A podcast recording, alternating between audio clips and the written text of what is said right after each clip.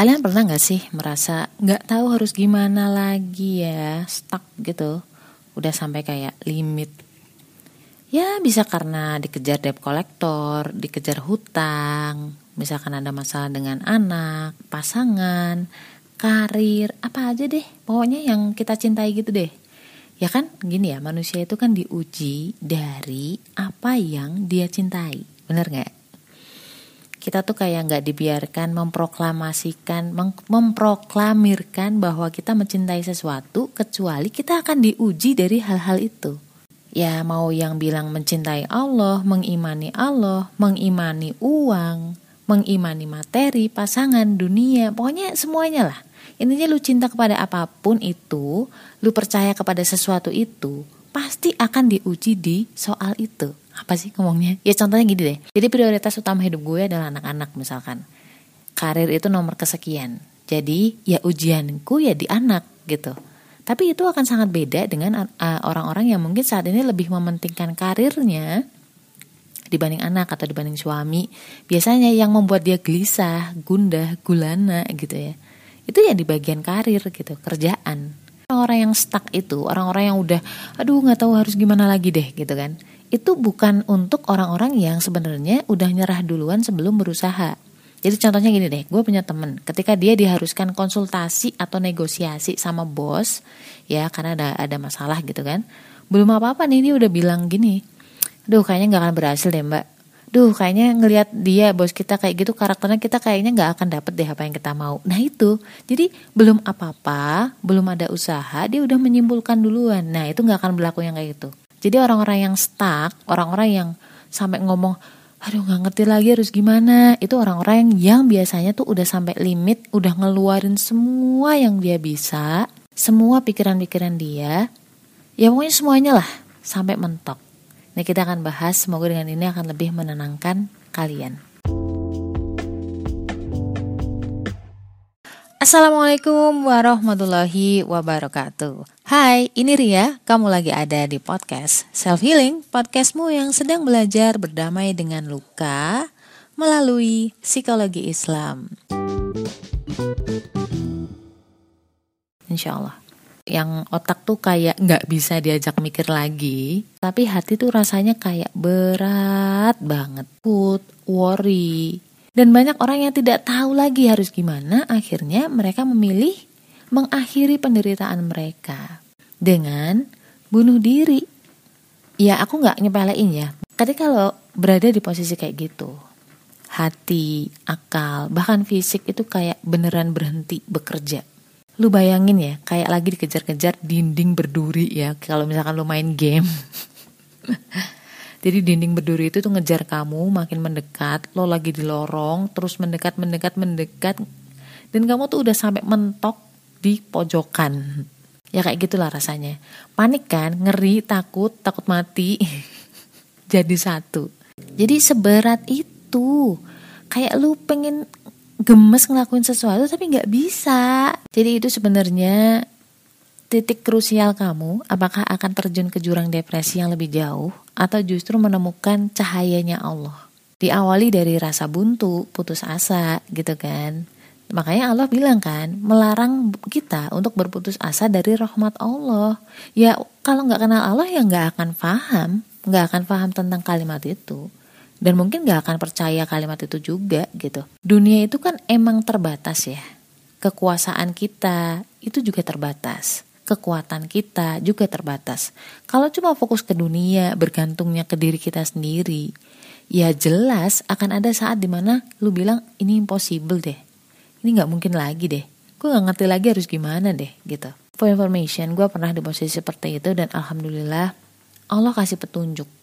Ya nggak langsung ke solusi sih. Maksudnya nggak langsung kelihatan solusinya, tapi minimal beban berat di dadamu itu yang kepala kenceng itu relief gitu lega gitu loh. Coba dengan apa tebak? Hasbunallah wa ni'mal wakil. Cukup bagi ke Allah sebagai sebaik-baik penolong. Ini juga doa yang diucapkan Nabi Ibrahim Ibrahim ketika hendak dimasukkan ke api oleh Raja Namrud. Ingat gak kisah itu? Jadi cukuplah Allah menjadi penolong kami dan Allah adalah sebaik-baik pelindung kami dan Allah sebaik-baik pelindung. Maka mereka kembali dengan nikmat dan karunia yang besar dari Allah. Mereka tidak mendapat bencana apa-apa. Itu di Ali Imran 173 174. Kamu boleh banget buka. Itu juga uh, diucapkan oleh Bunda Aisyah hasbiyallah wa ni'mal wakil ketika beliau difitnah jadi kayak dia pengen teriak untuk mengonfirmasi, mengklarifikasi bahwa itu nggak benar. Jadi ketika kita berduka atau mendapat musibah sebenarnya ada tahap, lima tahapan. Yang pertama denial. Denial tuh kayak nggak terima gitu loh, nggak ridho gitu, belum bisa menerima kenyataan. Terus yang kedua adalah anger atau marah. Anger, anger tuh marah kayak lu, lu nyari siapa yang pantas disalahin atas semua ini. Kemudian yang ketiga bergaining, bergaining tuh kayak gini loh oke deh aku terima fakta ini ya Allah aku terima kenyataan ini. Tapi nanti aku gini ya aku dikasih ini ya itu masih bergaining namanya. Dan yang keempat ketika tawar menawarnya kenapa belum juga terlaksana gitu kan itu kamu akan ke tahap depresi. Di tahap yang terakhir adalah acceptance menerima. Kalau bahasa kita mungkin ridho ya dengan uh, takdir Allah. Ada yang nambahin lagi tahap keenam biar lebih cepat gitu ya yaitu dengan mengambil hikmah Makanya Allah tuh udah kasih kita petunjuk. Soalnya ada orang yang siliweran aja di tahap satu, denial gitu, nggak bisa terima aja misalkan. Allah itu langsung suruh kita dengan loncat ke tahap acceptance atau ridho. Itu kuncinya. Bahkan ada seorang alim berkata bahwa siapa yang bersedih karena urusan dunia, sesungguhnya ia telah marah kepada Tuhannya. Karena ia tidak ridho dengan kodo atau takdir Allah, dan gak bersabar atas cobaan Allah dan tidak beriman dengan kekuasaannya. Soal menerima menerima takdir Allah itu kan memang gak mudah. Kita tuh kalau gak percaya sama Allah ya gak bisa gitu loh, susah. Kita gak akan bisa percaya sama Allah kalau kita gak kenal siapa Allah. Ya harus kenal, harus paham betul, sering berkomunikasi sama Allah. Ya sama lah kalau misalkan kita sama pasangan gitu ya, kita jarang jarang komunikasi, LDR pula, nggak pernah cari tahu, nggak pernah mengalami kebersamaan sama dia, ya susah percayanya, isinya curigaan mulu, bener gak? Harus sering ngalamin kehidupan bareng-bareng, harus mengalami ujian bareng-bareng, sehingga tahu nih bahwa pasangan lo memang bisa dipercaya dan memang terpercaya, bener gak? Kayak obat lah misalkan, lu kadang-kadang atau dokter deh, lu harus nyoba dulu kan, ya menguji dulu satu-satu sampai tahu bahwa oh dokter ini teruji, oh dokter itu belum teruji, oh dokter ini ternyata gagal, misalkan gitu misal ya. Walaupun sebenarnya yang menyembuhkan juga bukan dokter tapi Allah. Jadi harus paham dulu, harus kenal dulu siapa Allah. Minimal kita paham dan tahu lah. Eh gak cuma sekedar tahu ya. Harus paham Asmaul Husna, 99 nama Allah. At least you paham bahwa la haula wala quwata illa billah.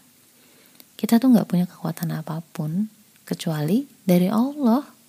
Di saat mentok kayak gitu tuh Allah ngajarin kita loh bahwa kita itu sebenarnya nothing tanpa Allah. Kita tuh bukan apa-apa, bukan siapa-siapa. Yang selama ini kita bangga-banggain ikhtiar-ikhtiar kita tuh sebenarnya karena Allah izinin tau nggak? Serahkanlah semua urusan ke Allah. Jadi gue inget tuh lagu zaman dulu, serahkanlah hidup dan matimu. Tapi itu bener loh. Yang Allah mau di saat itu adalah kita berserah mengaku bahwa kita tuh lemah, mengaku bahwa cuma Allah nih yang bisa nolong kita. Itu hikmahnya. Itulah pelajaran atau hikmah yang bisa kita ambil ketika stuck di posisi musibah yang benar-benar bikin lo tuh kayak depressed. Dan itu pelajaran yang sangat mahal dan tinggi. Akidah, tauhid, tawakal. Gak semua dapat kesempatan itu loh. Dan sesaat setelah berserah nih, insya Allah beban hati kamu tuh langsung Allah angkat. Rasanya tuh bener-bener plong banget. Gue gak akan bisa ngomong ini kalau gak pernah ngalamin sih. Dan bukankah sebenarnya akar kata Islam adalah menyerah, berserah kepada Allah atas semua urusan kita. Selanjutnya jangan lupa juga berdoa berharap bahwa kita dikuatkan sampai ke solusi. Sebenarnya kalau solusi itu tuh udah ada gitu udah udah on the way pelan-pelan fading fading in gitu kan. Tapi karena kita panik nggak bisa ngeliat. Kacamata kita burem jadi nggak kelihatan ya. Karena ketakutan anxiety depresi. Makanya disuruh tenang dulu. Ya mirip-mirip ketika kita nyari kacamata gitu ya ke mana-mana panik gitu ya sampai ke lemari ke mana lah ke bawah ke kolong. Ternyata kacamatanya lagi dipakai sama kita sendiri. Kita tuh merasakan keberadaan Allah lebih sering gitu lebih berasa aja ayem gitu loh pernah gak sih ketika lo berada di rumah walaupun mungkin di situ sama suami lo tuh dia nggak ngapa-ngapain paling main HP doang tapi ayem kan ngelihat dia gitu ayem gitu tenang seperti itu juga ketika kita merasa bahwa Allah tuh di situ loh. Allah tuh nggak ke mana-mana loh. Dan setelahnya insya Allah dengan itu mudah-mudahan setiap nafas kita menjadi ibadah. Amin. Semoga yang saat ini sedang merasa buntu, Allah angkat beban itu dan memberimu ketenangan lahir batin, serta menghadiahi kesabaran, sehingga bisa mengambil hikmah.